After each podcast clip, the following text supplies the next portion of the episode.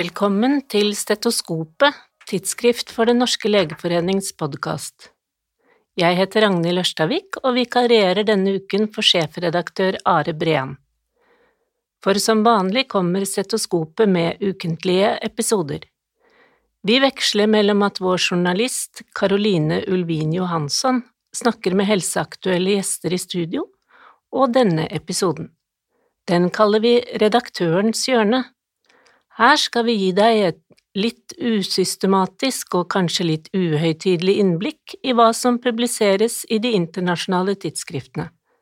Så nå følger noen høydepunkter fra de nyeste forskningsartiklene, sakene og debattene innen vårt fagfelt. Vi skal først til en gravplass i London. Den heter East Smithfield og ble åpnet av kong Edvard 3. Han trengte et sted å gjøre av alle som døde i den første bølgen av svartedauden i 1948 og 49. Likene av de døde ble lagt i massegraver. De som døde etter at smittbølgen var over, og som da sannsynligvis hadde overlevd sykdommen, ble lagd i graver i et nytt lag oppå. Da man senere gravde opp kirkegården, fant man altså lag av lik og kunne si med nokså stor sikkerhet hvem som var døde av pesten og ikke. Dette la grunnlaget for en ny studie nylig publisert i Nature, altså nesten 700 år etter at svartedauden herjet som verst. Ifølge en nyhetsartikkel i Science var det da studenten Jennifer Klunk i 2006 hjalp til med å sortere benrester fra disse likene, at hun kom på ideen om å sammenligne arvematerialet fra de som var døde av svartedauden, og de som sannsynligvis hadde overlevd. Var det genetiske forskjeller mellom de to gruppene? Sammen med andre forskere fikk hun etter hvert tilgang til skjeletter fra flere gravplasser fra til sammen 500 personer. Ekstrahert og sekvensert DNA identifiserte 245 ulike genvarianter som endret seg i forekomst før og etter pandemien. Særlig ett utmerket seg. Det dreide seg om ERAP2, som koder for endoplasmatisk retikulum aminopeptidase 2. Proteinet har en rolle i forsvaret mot virus. Det kan også, viste laboratorieforsøk, undertrykke bakterien Yersinia pestis, som som kjent forårsaket svartedauden. Forskerne fant to varianter av genet. Beregningene viste at den ene varianten økte sannsynligheten for å overleve svartedauden med omkring 40% noe som selvsagt ga svært betydningsfulle resultater for en sykdom som kanskje tok livet av omkring halvparten av dem som bodde i London den gangen. Når forskerne sammenlignet DNA fra personer som døde før versus etter pandemien, så de at frekvensen av personer som var bærere av minst én kopi av den beskyttende varianten, økte fra 40% til mer enn 50% Dette er kanskje den største slike økningen som er observert av en variant noensinne. Varianten fortsatte antagelig å bli selektert opp fordi pest var endemisk i Europa i flere hundre år, men dette kan endre seg. Det viser seg nemlig at varianten øker risikoen for autoimmune sykdommer, sykdommer som kanskje er en større trussel for helsen i vår tid enn pest. Og hvorfor forsvant egentlig pesten? Var det bare fordi hygienen ble bedre, eller kan også genetiske faktorer ha spilt en rolle, spør forfatteren av nyhetsartikkelen. Og hva vil våre etterkommere finne hos oss, som sier noe om hvem som overlever sykdommer og hvem som dør? Og som vi ikke aner hva er i dag? Det spørsmålet stiller jeg meg, men det får jeg selvsagt ikke svar på i min tid. Vi holder litt fast i genene og går over til et helt annet spørsmål, som er særlig aktuelt i den mørke årstiden, nemlig D-vitamin. Resultatene av randomiserte forsøk utført de siste årene kan tyde på at tilskudd av D-vitamin ikke har mye for seg for i utgangspunktet friske personer men slike forsøk har begrensninger fordi man ikke kan inkludere personer som i utgangspunktet har lave verdier. Det ville jo ikke vært etisk riktig. Derfor må man bruke andre design for å se på helseeffekter av lave D-vitaminnivåer. Resultatene av en studie der man har benyttet Mendels randomisering, foreligger nå i Annals of Internal Medicine. Forskerne brukte data fra mer enn 300 000 individer registrert i den britiske biobanken UK Biobank. De valgte ut personer hvor man også hadde målt D-vitaminnivået ved studiens start.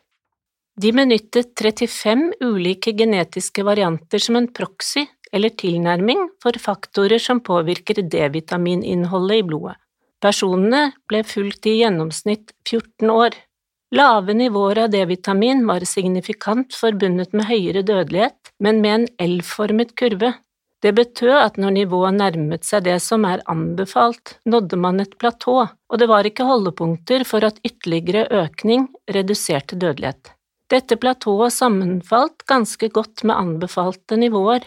Det er derfor ikke grunnlag for å hevde at tilskudd generelt er gunstig, med mindre man altså har et bekreftet lavt nivå av D-vitamin. Den neste studien jeg vil snakke om, dreier seg om noe ganske annet og er nylig publisert i Yama. Det spennende med de generelle medisinske tidsskriftene er jo nettopp at de dekker hele det medisinske fagfeltet. Så nå går vi over til genitale herpes simplex-infeksjoner forårsaket av HSV-virus type 1.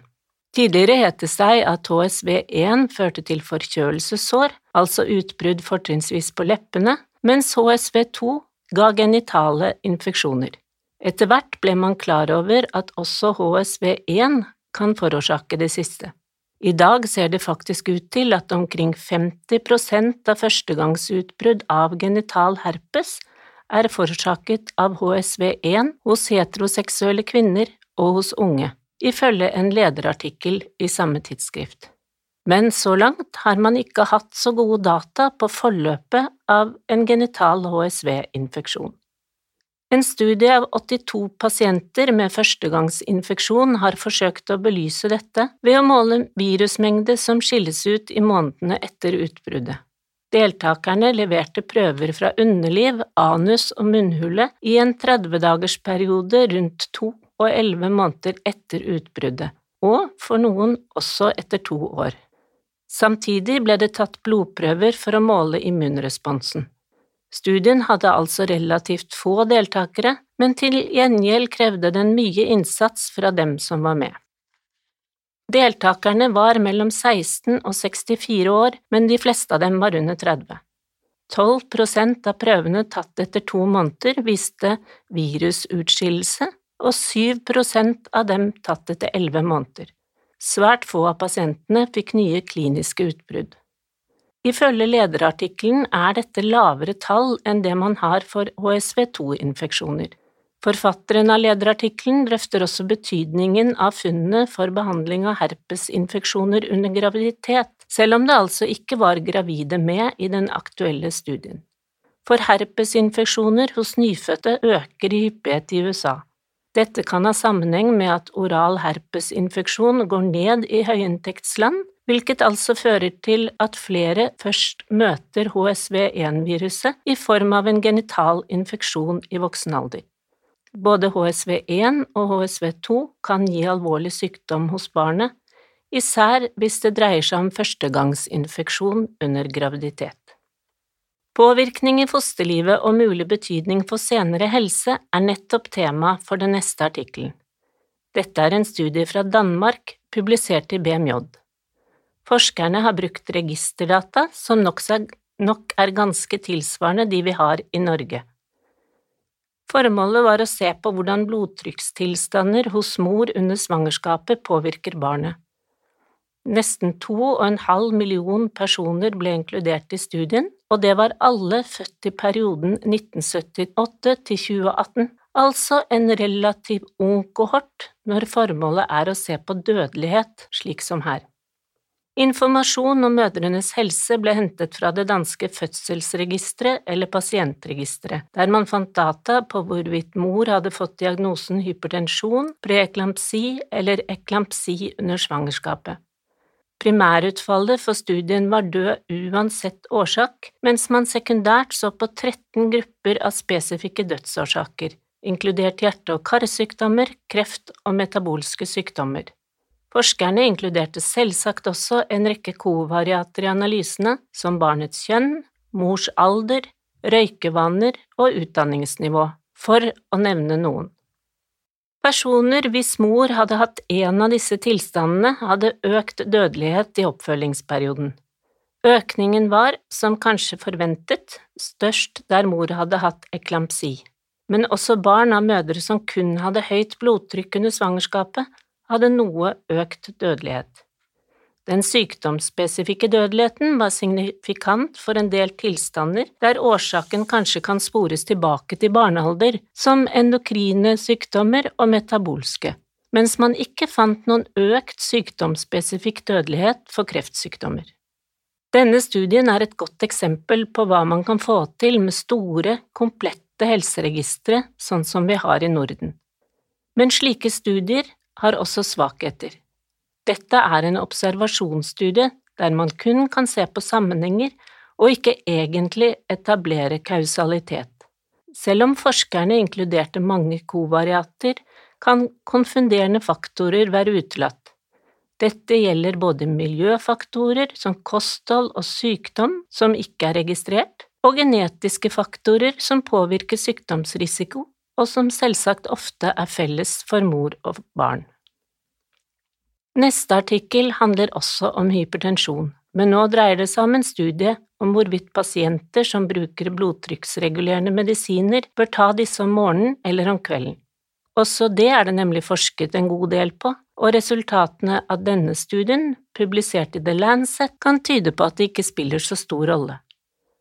Dette var en pragmatisk, randomisert, kontrollert studie som inkluderte litt over 21 000 voksne i Storbritannia.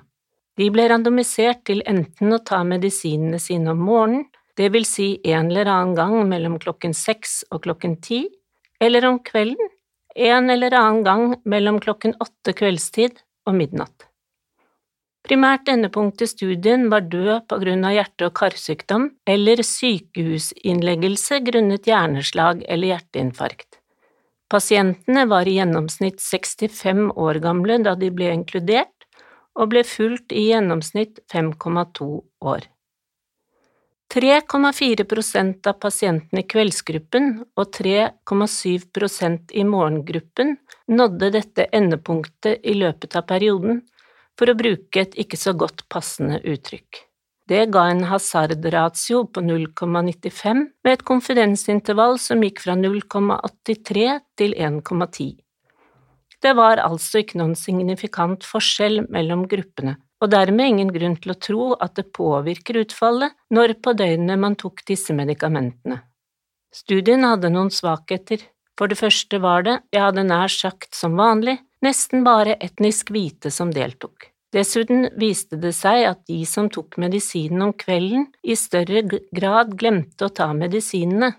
Det siste mener forfatteren av en lederartikkel i samme nummer kan bety at potensielle fordeler ved å ta medikamentene om kvelden ble maskert. Resultatene av studien er også delvis i konflikt med tidligere undersøkelser, og flere studier skal være på vei. Til slutt kommer det antagelig også en metaanalyse.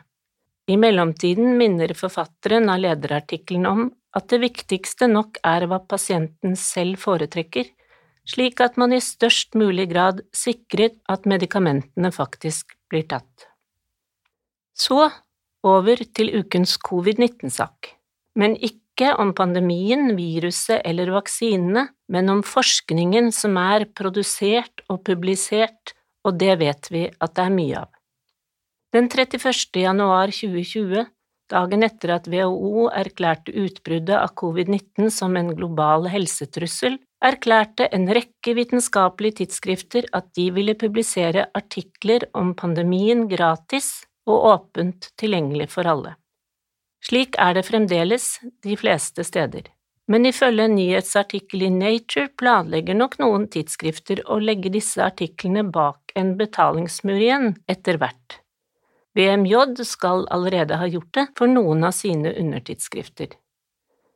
Ifølge artikkelen i Nature er dette fjerde gangen på syv år at tidsskriftene deltar i denne formen for dugnad. Først gjaldt det Zika-viruset, så ebola, deretter altså covid-19, og sist nå i sommer apekopper. Men hva med andre internasjonale krise- og nødsituasjoner?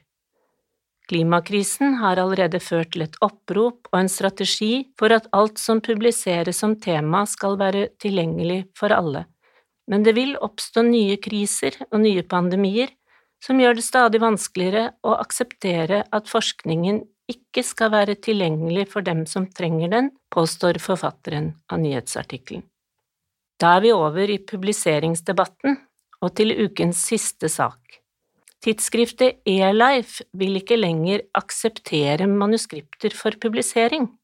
Det vil si at de vil publisere dem, men uten et redaktørstempel om at manuskriptet er godkjent. Dette mener sjefredaktøren, ifølge en nyhetsartikkel i Science, er en gammeldags modell. I stedet vil eLife sende et utvalg manuskripter til fagfellevurdering og publisere disse sammen med det innsendte manuskriptet. Sjefredaktøren forteller Science at han mener dette er det neste logiske trekket for publisering. Leserne får bedre innsikt i manuskriptet ved også å kunne lese kritikken av det. Dersom forfatterne ønsker å endre manuskriptet i henhold til fagfellevurderernes innspill, så kan de gjøre det og Elife vil publisere den endrede versjonen. Her vil altså den redaksjonelle beslutningen stoppe ved å bestemme hva som skal sendes til fagfellevurdering. Hvordan denne beslutningen skal tas, er ikke helt bestemt enda, men som for mange andre av de store, åpne tidsskriftene vektlegges først og fremst vitenskapelig kvalitet. En vurdering av nytteverdien overlates til leserne. Hvorvidt det var nyttig å lytte til denne podkasten, overlates til deg å vurdere. Men vil du lese mer om sakene som er omtalt, finner du en lenke til dem på tidsskriftets sider. God lesing!